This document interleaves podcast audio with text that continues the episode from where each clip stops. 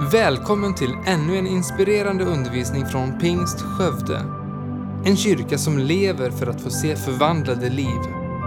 Vi hoppas att Guds ord ska tala in i ditt liv och hjälpa dig vidare i livet med Jesus.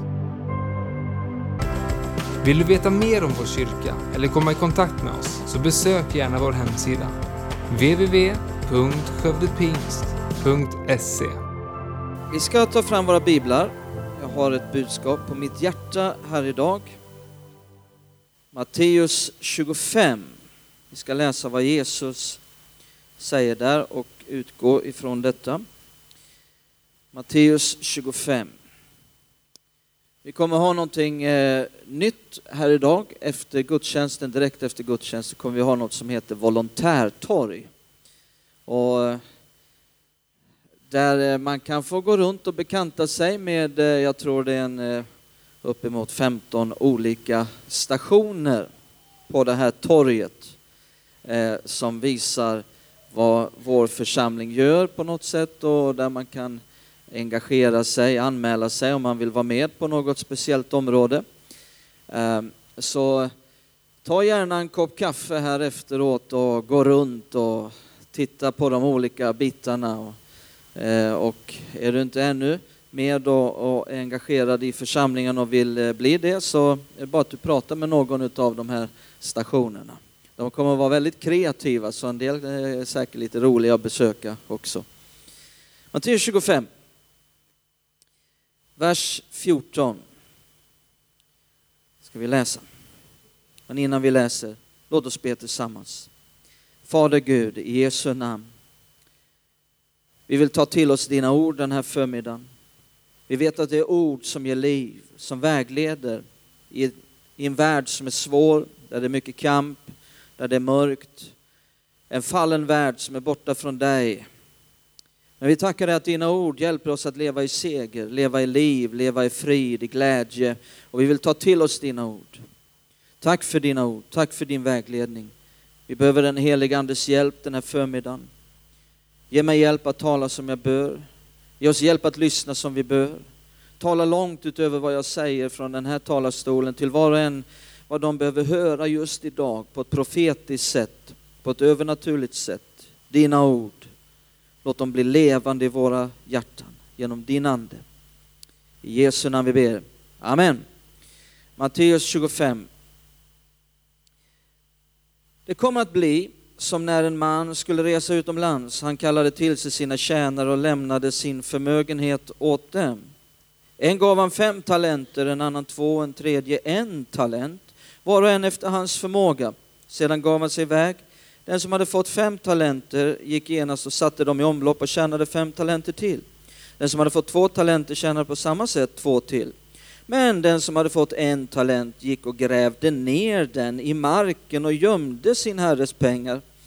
En lång tid därefter kom tjänarens herre och krävde redovisning av dem. Den som hade fått fem talenter kom då och lämnade fram fem talenter till och sa Herre, fem talenter överlämnade du åt mig, nu har jag tjänat fem till. Hans herre sa till honom, bra du gode och trogne tjänare, du har varit trogen i det lilla, jag ska sätta dig över mycket, gå in i din herres glädje. Så kom den som hade fått två talenter fram och sa, Herre, två talenter överlämnade du åt mig, här är två till som jag har tjänat. Hans herre sa till honom, bra du god och trogne tjänare, du har varit trogen i det lilla. Jag ska sätta dig över mycket, gå in i din herres glädje.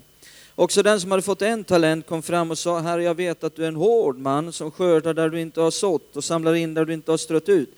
Av fruktan för dig, av fruktan för dig gick jag och gömde din talent i jorden. Här har du vad som är ditt. Hans herre svarade honom, du onde och late, kan alla säga late? Du onde och late tjänare. Du visste att jag skördar där jag inte har sått och samlar in där jag inte har strött ut. Då borde du ha satt in mina pengar i en bank eh, så att jag hade fått igen det som är mitt med ränta när jag kom. Ta därför ifrån honom talenter och ge den, den åt honom som har tio talenter. Till var en som eh, har ska få och det är överflöd, men den som inget har från honom ska tas också det han har. Kasta ut den oduglige tjänare i mörkret här utanför, där ska man gråta och skära tänder. Mycket allvarlig text. Det finns mycket att läsa här och studera. Men den här mannen blev utslängd ur himmelriket. Frågan är varför? Eh, ja, det var ju inte på grund av en massa syndfulla gärningar som han blev utslängd. Varför blev han utslängd? Ja, han själv ville påstå att det var på grund av fruktan för sin herre. Han var rädd, därför grävde han ner talenten. Men hans herre köpte inte den här anledningen, utan säger du late, inte du rädde fylld av frukt, nej, du late tjänare. Eh, så anledningen var faktiskt lathet, att han grävde ner sin talent, enligt Herren. Ehm, så lathet är faktiskt något mycket, mycket allvarligt. Eller hur? Det är en allvarlig text. Konsekvensen av hans lathet är mycket allvarligt. Så därför behöver vi tala om det här. Så mitt tema är idag därför ut med latmasken. Det var någon som kände sig lat så jag sa lägg den ner på magen och så lägger du ett äpple längst ner på ryggraden. Då kryper latmasken ut. Så det är ett bra tips att komma med direkt här. Ehm, men eh, först av allt ehm, så behöver vi reda ut vad är lathet då? Om det här nu är så allvarligt och vi liksom, oj det här är allvarligt, eh, då behöver vi liksom veta vad är det för någonting? Vad är lathet och lättja? Vad har jag nu lagt upp för bild? vad är lathet och lättja? En bild säger mer än tusen ord. Eh, alla vet ju grundläggande vad lathet är. Synonymord, synonymord kan vara lättja, slö, slöfock, seg, långsam, slapp, släpphänt, ofokuserad, oöverlåten. En motvilja till ansträngning när det egentligen inte finns några andra hinder än just motvilja. Det var en VD, han fick en fråga. Hur många jobbar i ditt företag? Ungefär hälften, sa han. En del kan göra vad som helst för att inte göra någonting. Min, min ena bror sa, berättade att när han gick i lumpen, då var det en lumpakompis där. Alltså, han käkade tandkräm. Han kunde vräka i sig liksom mängder med tandkräm för att få feber. Så han skulle kunna gå till sjukan och sjukanmäla sig så han inte skulle behöva vara med på manövern. En del gör vad som helst för att inte behöva göra någonting. Ehm, du vet, en del är så lata så att man skulle kunna skriva på deras gravsten en dag, dog när han var 30, begravdes när han var 60. Eh, nu kanske någon här inne tänker, ah, det här temat, lathet, det är inget som är relevant för mig. Det är helt irrelevant för, för, för mitt liv. För jag är så stressad Sven. Men visste du att du kan vara väldigt aktiv och ändå ha problem med lathet? Så vi behöver gå lite djupare nu och tala om lathet än just de här vanliga synonymorden, slö och liksom det här som alla känner till. Vi behöver gå lite djupare och studera detta, vad det här egentligen är. Ehm, du kan vara oerhört aktiv och ändå ha problem med lathet. Lathet handlar ofta nämligen om att välja väg efter minsta motståndets lag. Så därför är lathet ofta inte ett problem att aktivera sig utan om att prioritera rätt. Den late prioriterar och väljer väg efter minsta motståndets lag. Eh, en lat kan faktiskt vara väldigt aktiv så länge det handlar om att eh, tillfredsställa de egna begären och de egna önskningarna. Men annars är man lat.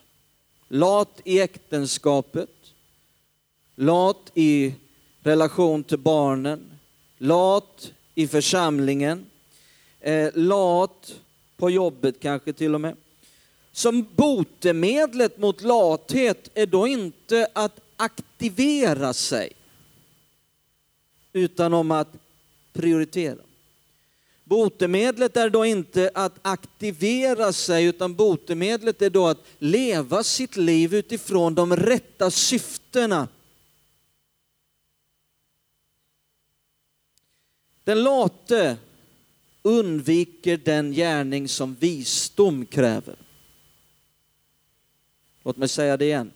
Lathet undviker den gärning som vishet kräver.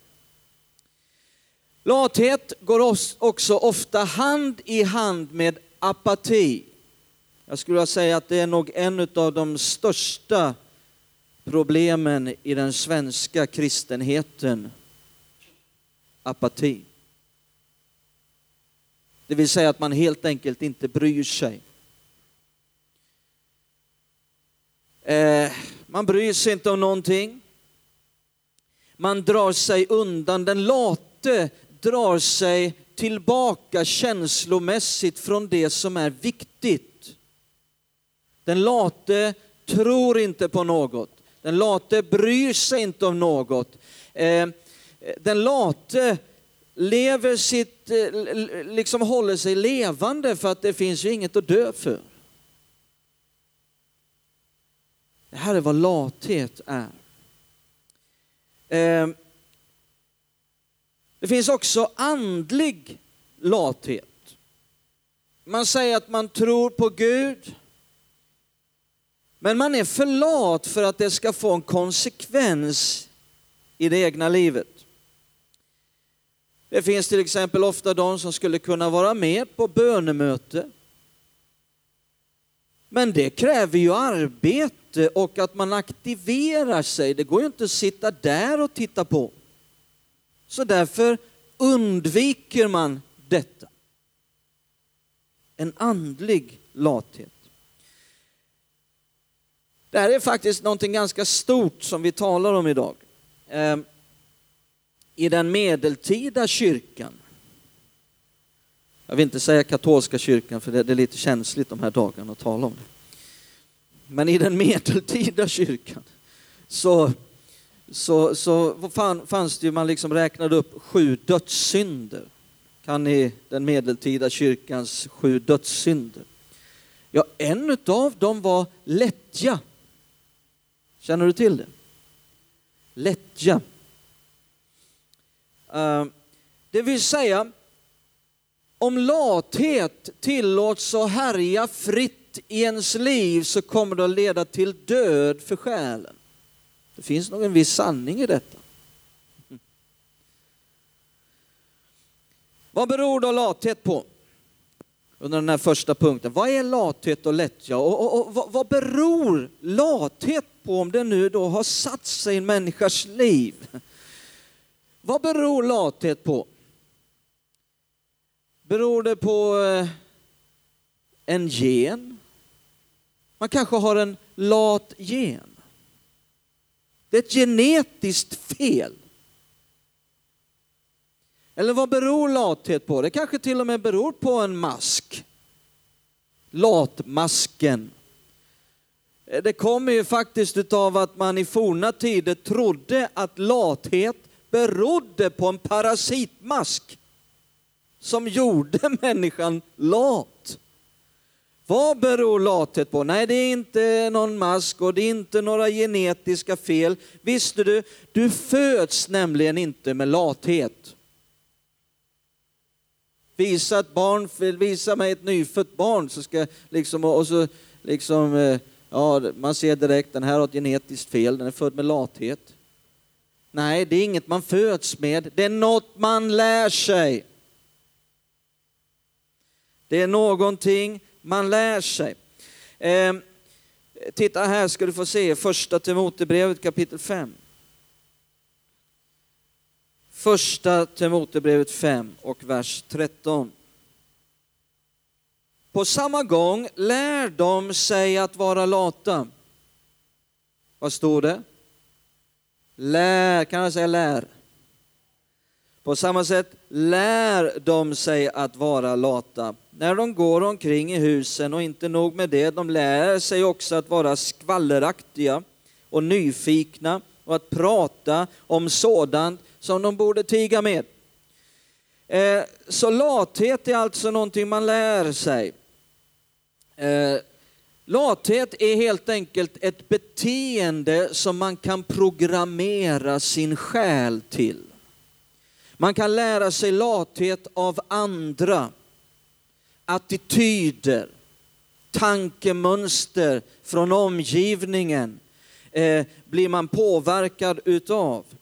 Eh, lathet har också en tendens att växa och utvecklas. Den late blir bara latare. Men nu är det glädjande budskapet att om du kan lära dig lathet så kan du också lära dig motsatsen. Jag vet en tid i mitt liv när jag var fruktansvärt lat. Jag var en plåga för mina förmän och chefer och liksom, jag var i runt eh, 19-20 år. Jag hade blivit frälst till och med. Fortfarande lat. Oj, oj, oj. Jag gjorde lumpen, försökte komma undan så lindrigt som möjligt. Sen började jag jobba i, i, på eh, Ovako stil i Hällefors liksom och man försökte ju slingra sig. Man var, alltså, man var en pina och en pest. Fruktansvärt lat. Sen åkte jag på bibelskola. Ett helt år. Det var nyttigt för mig. Få disciplin.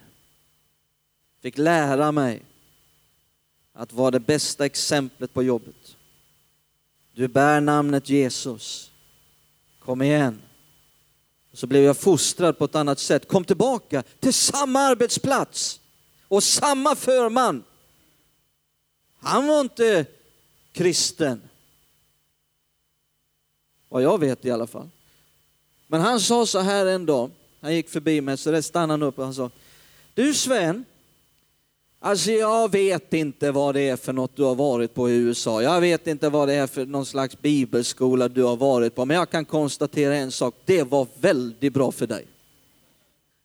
Och jag bara smilade och log. Tack Jesus. Du kan lära dig motsatsen. Titta i Ordspråksboken kapitel 6. Ordspråksboken 6. Vi ska läsa om ett djur i djurriket. Ordspråksboken 6 och vers 6. Så står det så här. Gå bort till myran, du late. Se hur hon gör och bli vis. Det kan vara väldigt nyttigt att stå framför en myrstack ibland och meditera. Gå bort till myran, du late.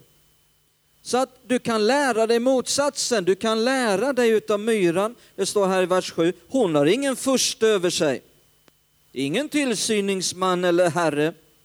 Hon bereder om sommaren sin föda och samlar under skördetiden in sin mat. Hur länge ska du ligga, du late? När ska du stiga upp från din sömn? Sov ännu något, slumra lite till, lägg ännu en stund armarna i kors för att vila, så ska fattigdomen komma över dig som en rövare och armodet som en väpnad man. Lathet är någonting väldigt bedrägligt. Eh, man kan få för sig att ja, men lathet är väl inte så allvarligt. Då gör jag ju ingenting. Om jag inte gör någonting, då gör jag ju ingen synd. Men lathet är någonting väldigt produktivt. Det är det som är det bedrägliga med lathet, att man kan få för sig att, att ja, men då gör jag ju ingenting. Jo, det är massor som är igång och produceras. Det är väldigt produktivt. Latheten producerar massor, men produkten är väldigt eländig. Produkterna är inte speciellt vackra. Jag ska ge dig några snabba produkter som latheten producerar. Det första som lathet producerar är att man gräver ner sin potential, sina gåvor och talanger. Det är en produkt. Det är det som produceras. Ett nedgrävande av sin potential, sina gåvor, sina talanger, vad som skulle kunna ha varit. Vad tragiskt det är med en sångare som inte sjunger. Vad tragiskt det är med en musiker som inte spelar. Vad tragiskt det är med någon som har en fantastisk begåvning att jobba med barn, men som bara går och drar. Och så vidare, och så vidare. Den andra produkten som lathet producerar är att eh, bli självupptagen och också självgod. Titta i Ordspråksboken kapitel 26. Ordspråksboken kapitel 26 och vers 16. Den late. Har du lagt märke till hur mycket Bibeln talar om den late?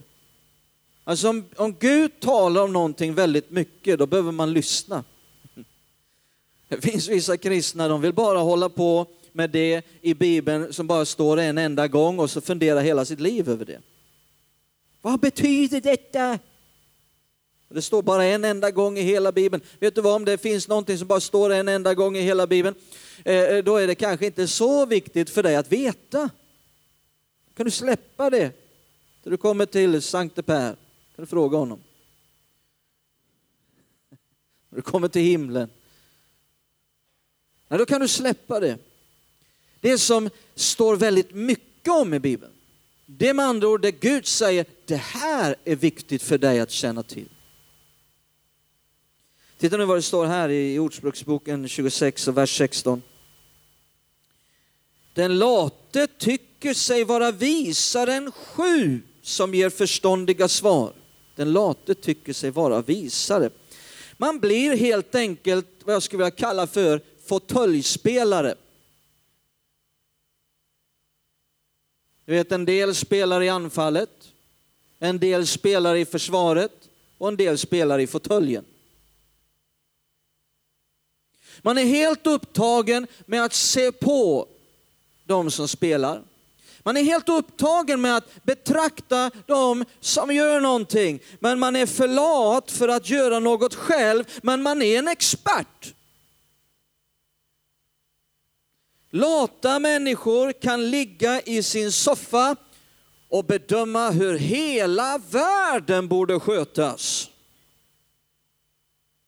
Man har nämligen tid.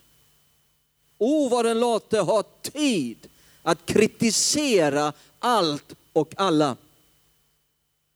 Det finns till och med kristna debattforum, jag besöker inte dem med fulla med lata människor som inte har någon frukt i sina liv, som inte gör någonting för Guds rike, som inte har någonting som de har producerat själva, men de kritiserar allting i Guds rike. Jag besöker inte ens de debattforumen och kliver ner i den träsket av synd. Jag säger sätt igång och gör något själv, så ska jag komma och titta och lära. Men till dess, bli aktiv, gör någonting, börja producera någonting. Amen. Lika bra du säger amen, för det är så i alla fall. Om du inte kan säga amen så säg nämen. Titta nu här, tredje produkten. Skvaller och förtal. Titta i första Timoteusbrevet 5, vers 3. Första Timoteusbrevet 5 och vers, eh, förlåt mig, 13. Vi läser förut, vi läser igen. På samma gång lär de sig att vara lata när de går omkring i husen och inte nog med det, de lär sig också att vara skvalleraktiga och nyfikna och prata om sådant som de borde tiga med. Den late gör sig skyldig ofta till pratsynder, skvaller, förtal. Andra Thessalonikerbrevet kapitel 3. Läser ett bibelställe till. Andra Thessalonikerbrevet 3 och vers 11. Men nu hör vi att en del bland er lever oordentligt. De arbetar inte utan går bara och drar. Paulus som säger detta. De arbetar inte utan går bara och drar, är lata med andra ord. Sådana befaller, det är starka ord, och förmanar vi i Herren Jesus Kristus att de skall arbeta och hålla sig lugna. Ja, men den late är väl lugn? Nej, kan vara väldigt aktiv som jag sa förut. Och äta sitt eget bröd. Arbeta och äta sitt eget bröd. Oj, här finns mycket. Och ni bröder, tröttna inte på att göra det som är gott. Den late kan vara igång och göra en massa grejer, men det är inte så gott. Går bara och drar. Den late har ofta tid till allt möjligt som de inte ska göra. Det var någon som sa så här, jag tyckte det var bra, att sysslolösa händer är djävulens verkstad. Ganska bra ordspråk. Sysslolösa händer i djävulens verkstad. Nästa produkt, man blir dåraktig. Man blir dåraktig, det är en produkt. Titta i Ordspråksboken kapitel 24 och vers 30. Ordspråksboken 24 och 30. Jag gick förbi en latmans åker, en oförståndig människas vingård. Lägg märke till hur eh, Bibeln här kallar den late för en oförståndig människa. Faktum är att hela Ordspråksboken anger att den late är en underkategori till dåren. Ordspråksboken talar mycket om dårskap och dåren och anger att eh, lathet är en underkategori till dåren. Oförståndig, korttänkt, tänker inte på framtiden, tänker bara på stundens begär, planerar inte, planerar inte. Ett sätt att bota lathet är att börja planera.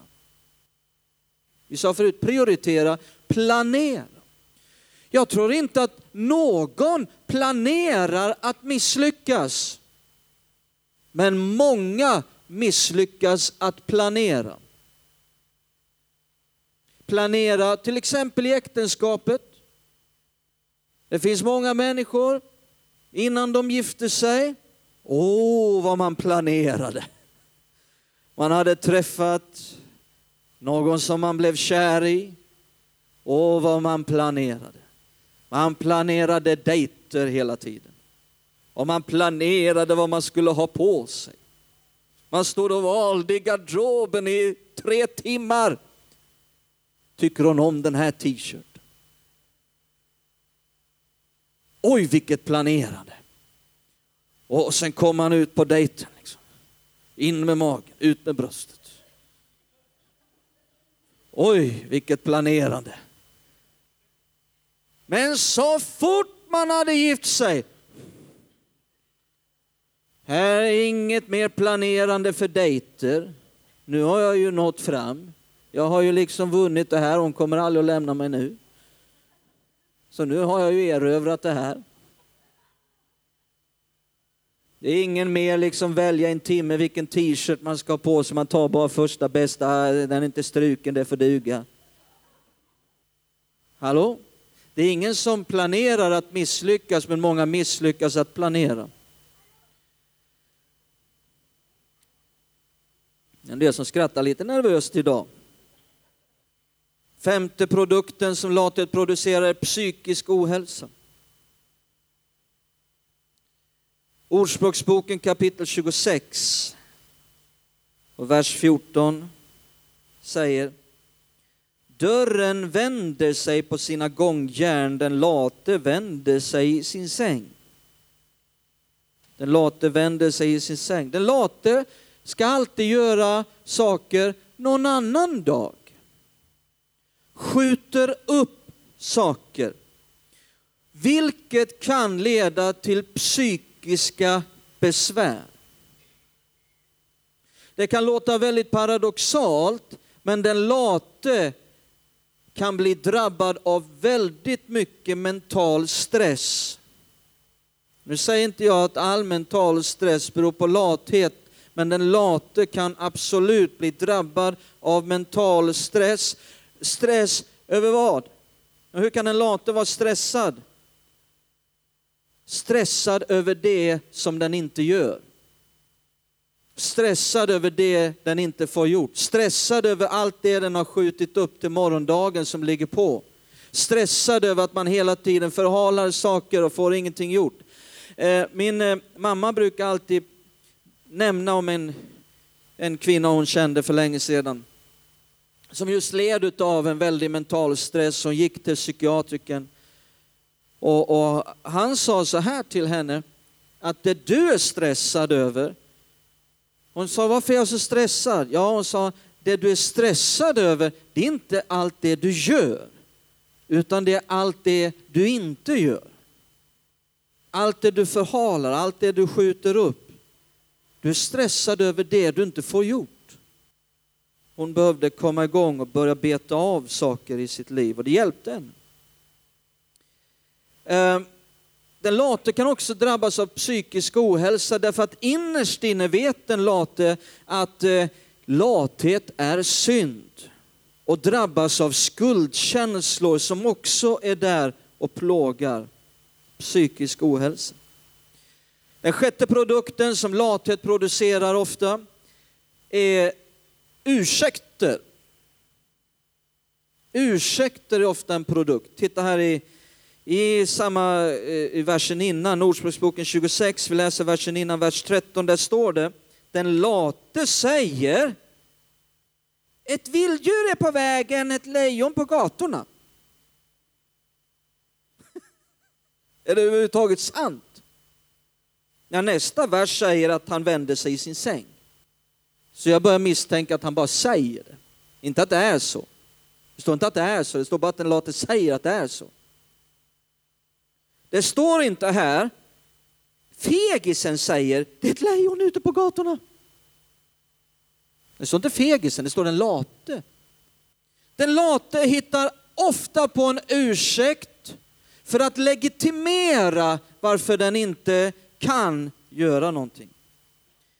Ingen skulle tycka att det, är helt okej okay att bara stanna hemma en hel dag och bara strunta i att eh, gå till jobbet. Ingen skulle tycka att det är helt okej, okay, tänker den late. Men, men om, jag kan, om jag kan hitta på en orsak, om det finns en fara ute på gatorna, om det är ett lejon där som står i vägen, då kommer de nog säkert att tänka att det var helt okej okay att jag stannade hemma. Den late kanske Alltså den late kan till och med bedra sig själv och börja tro på sina egna ursäkter. Intala sig så hårt varför det är helt legitimt och att den, det, alltså, den late kan börja få bilder i skall. Det är nog antagligen ett lejon ute på gatorna. Manipulera sig själv, bedra sig själv, börja tro på sina egna ursäkter. Den här late som vi läste om i inledningstexten som blev utslängd ur himmelriket, vad var hans anledning? Enligt hans egen bild varför han hade grävt ner den här talenten var fruktan. Det är precis samma sak här, det är ett lejon, jag är rädd. Ja, hans anledning var också det. Jag är rädd. Den late kan till och med komma med ursäkten jag är så upptagen så jag hinner inte. Titta vilket upptaget liv jag har. Den late kan faktiskt till och med hålla sig väldigt aktiv för att ha en ursäkt att inte göra det den borde. Är du med mig nu? Nu går jag djupt här. Jag sa den late kan till och med hålla sig väldigt aktiv för att ha en ursäkt att inte göra det den borde. Men när den håller sig aktiv för den egna sakens eller den, de egna begären, de egna önskningarna, väldigt självupptaget. Börjar man granska det här, ja varför är du så väldigt aktiv?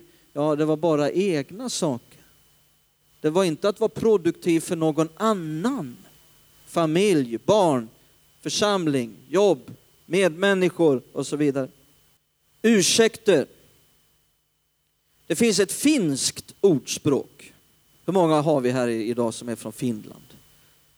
Här har vi någon, alltså det är alldeles för få. Jag älskar vårt grannland. Alltså Kimi Räikkönen. Bara säger det. Mika Häkkinen. Det är mina idoler. I Stockholm och uppe i Hällefors där jag kommer ifrån var betydligt många mer från Finland, så jag är van vid. Så att jag har lärt mig lite finska ordspråk. Jag har varit i Finland många gånger. Ett finskt ordspråk säger När kan den late arbeta? Hösten är för lerig. Våren är för regnig. Vintern är för kall. Sommaren är för varm. När kan den late arbeta? Ett botemedel för lathet ytterligare är att sluta med alla ursäkter. Nästa produkt som lathet producerar är fördärv. I äktenskap, familj, församling. Titta i Predikaren. Predikaren kapitel 10 och vers 18. Av lättja förfaller husets bjälkar och av försumlighet regnar det in genom taket. Vad var anledningen här till att bjälkarna förfaller? Lättja. Det här kan också vara bildligt, inte bara bokstavligen ett hus, det kan vara, vara bildligt för annat som vi är med och bygger. Vi bygger familj, äktenskap, församling, liv, var du än är, var du än befinner dig. Liksom du bygger ett liv. Det kan förfalla. Det kan bli fördärvat på grund av lathet. Det krävs konstant arbete i familj, äktenskap och församling. En stor och erkänd äktenskapsrådgivare som heter M. Scott Peck han påstod att den stora anledningen till misslyckade relationer och familjer är lathet. Han påstod att 99 procent av de som besökte honom var helt enkelt för lata för att vara den make, maka eller förälder som de borde vara. En av de allra största anledningarna till problem i barnuppfostran enligt honom är lathet. Att barn blir odisciplinerade därför att föräldrar är för lata för att ibland göra det hårda arbetet att träna barnen att leva ansvarsfulla liv. Det krävs mycket arbete för att vara en kärleksfull förälder. Det kräver envishet med regler och det kräver energi i relationer med barnen. Inte bara regler, utan också energi i relationen med barnen. Den åttonde produkten. Jag har bara 20 kvar. Nej, jag har bara två kvar. Den åttonde produkten hindrar lathet, hindrar från att få vad Gud har lovat. När jag ser att ni skrattar så måste jag se vad det är för bild jag har lagt upp. Ibland glömmer jag bort vad det är för bild jag lägger upp. Hebreerbrevet kapitel 6 hindrar från att få vad Gud har lovat. Hebreerbrevet 6 och vers 12 säger så att ni inte blir tröga. Tröga. Det är ett synonymord till lat ibland. Så att ni inte blir tröga utan följer dem som genom tro och vad då? Uthållighet får det utlovade arvet, får det som Gud har lovat med andra ord. Här finner vi att motsatsen till lathet är en tro som får vad Gud har lovat. Det är en aktiv tro. Lyssna på mig noga. Det här är en aktiv tro. En tro som står upp, som beger sig in på oerövrade territorier och beger sig in i löfteslandet för att inta det. Ingen kan få dig att stå upp och börja agera i tro. Det måste du göra själv. Ja, men jag är för trött. Jag vet för en del år sedan, det var en kvinna som, som Vicky pratade med. Hon liksom undrade, ja hur, hur får man bönesvar? Hur kan jag få det Gud har lovat liksom? Och Vicky började visa vad Jesus sa, var vissa villkor. Om eh, ni förblir i mig och om eh, mitt ord förblir i er så ska ni få vad helst ni ber om. Jesus gav vissa villkor. Och Vicky förklarade hur vad viktigt det är att förbli i Guds ordet, att meditera i Guds ordet, att, att leva i det, att äta det eh, och, och, vissa sådana här steg och principer för att nå fram till ett läge där man kan få det som är utlovat och få del av Guds löften. Vet ni vad responsen från denna kvinna var? Ja, men ska man behöva göra det? Med den attityden. Ja, men ska, ska, ska, man behöva hålla på med det? Ska man behöva arbeta med det? Ska man inte bara kunna liksom slänga upp en bön och Gud bara besvarar? Ja, inte enligt Jesus. Jesus gav vissa steg, vissa principer, vissa villkor för att komma i det läget att i en svår värld, i en fallen värld, se Guds kraft bryta fram. Den late kan få uppleva den produkten att det hindrar att få vad Gud har lovat. Den sista punkten som jag vill ange här bara är fattigdom. En produkt av lathet är fattigdom. Titta i Ordspråksboken 24 och vers 30. Ordspråksboken 24 och vers 30. Då står det så här. Jag gick förbi en lat mans åker en oförståndig människas vingård och se tistlar hade växt upp överallt. Marken var täckt av nässlor, stenmuren låg nerriven. Jag såg det och tog det till hjärtat och betraktade det och tog lärdom av det.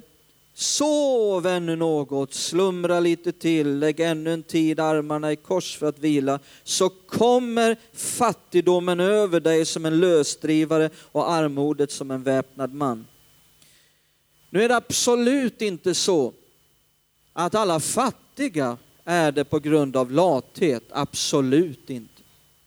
Långt därifrån. Men den late kommer att bli fattig. Det är det som Bibeln säger.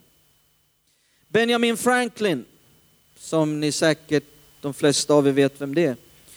Benjamin Franklin, han sa så här att latheten den färdas så långsamt att fattigdomen hinner, i kna, hinner ikapp. Eh, när fattigdomen kommer över en människa, när latheten, när den late upplever att fattigdomen kommer över den, så kan den bli en parasit. Man är för lat för att göra någonting själv, men man vill leva på andra. Vi ska hjälpa socialt, vi ska hjälpa fattiga. Absolut. Men om jag upplever i min ande att någon har det dåligt ställt bara för att de är lata, ja då är det någonting annat jag behöver ge. Då är det någonting annat de behöver hjälp med. Då behöver man sitta ner med en sån människa och se hur kan du få den verkliga hjälpen som du behöver. Lathet är produktivt. Det producerar massor. Och jag tror inte att det här är produkter som vi vill ha i våra liv. Och det här är Guds ord till oss, till var och en av oss, för han vill att ditt liv ska vara fullt av tillfredsställelse, glädje, frid. Och därför vill han vägleda dig med sina ord. Tack för att du lyssnat. Titta gärna in på vår hemsida, www.skövdepingst.se för att få veta mer om oss. Och glöm inte att du alltid är välkommen till vår kyrka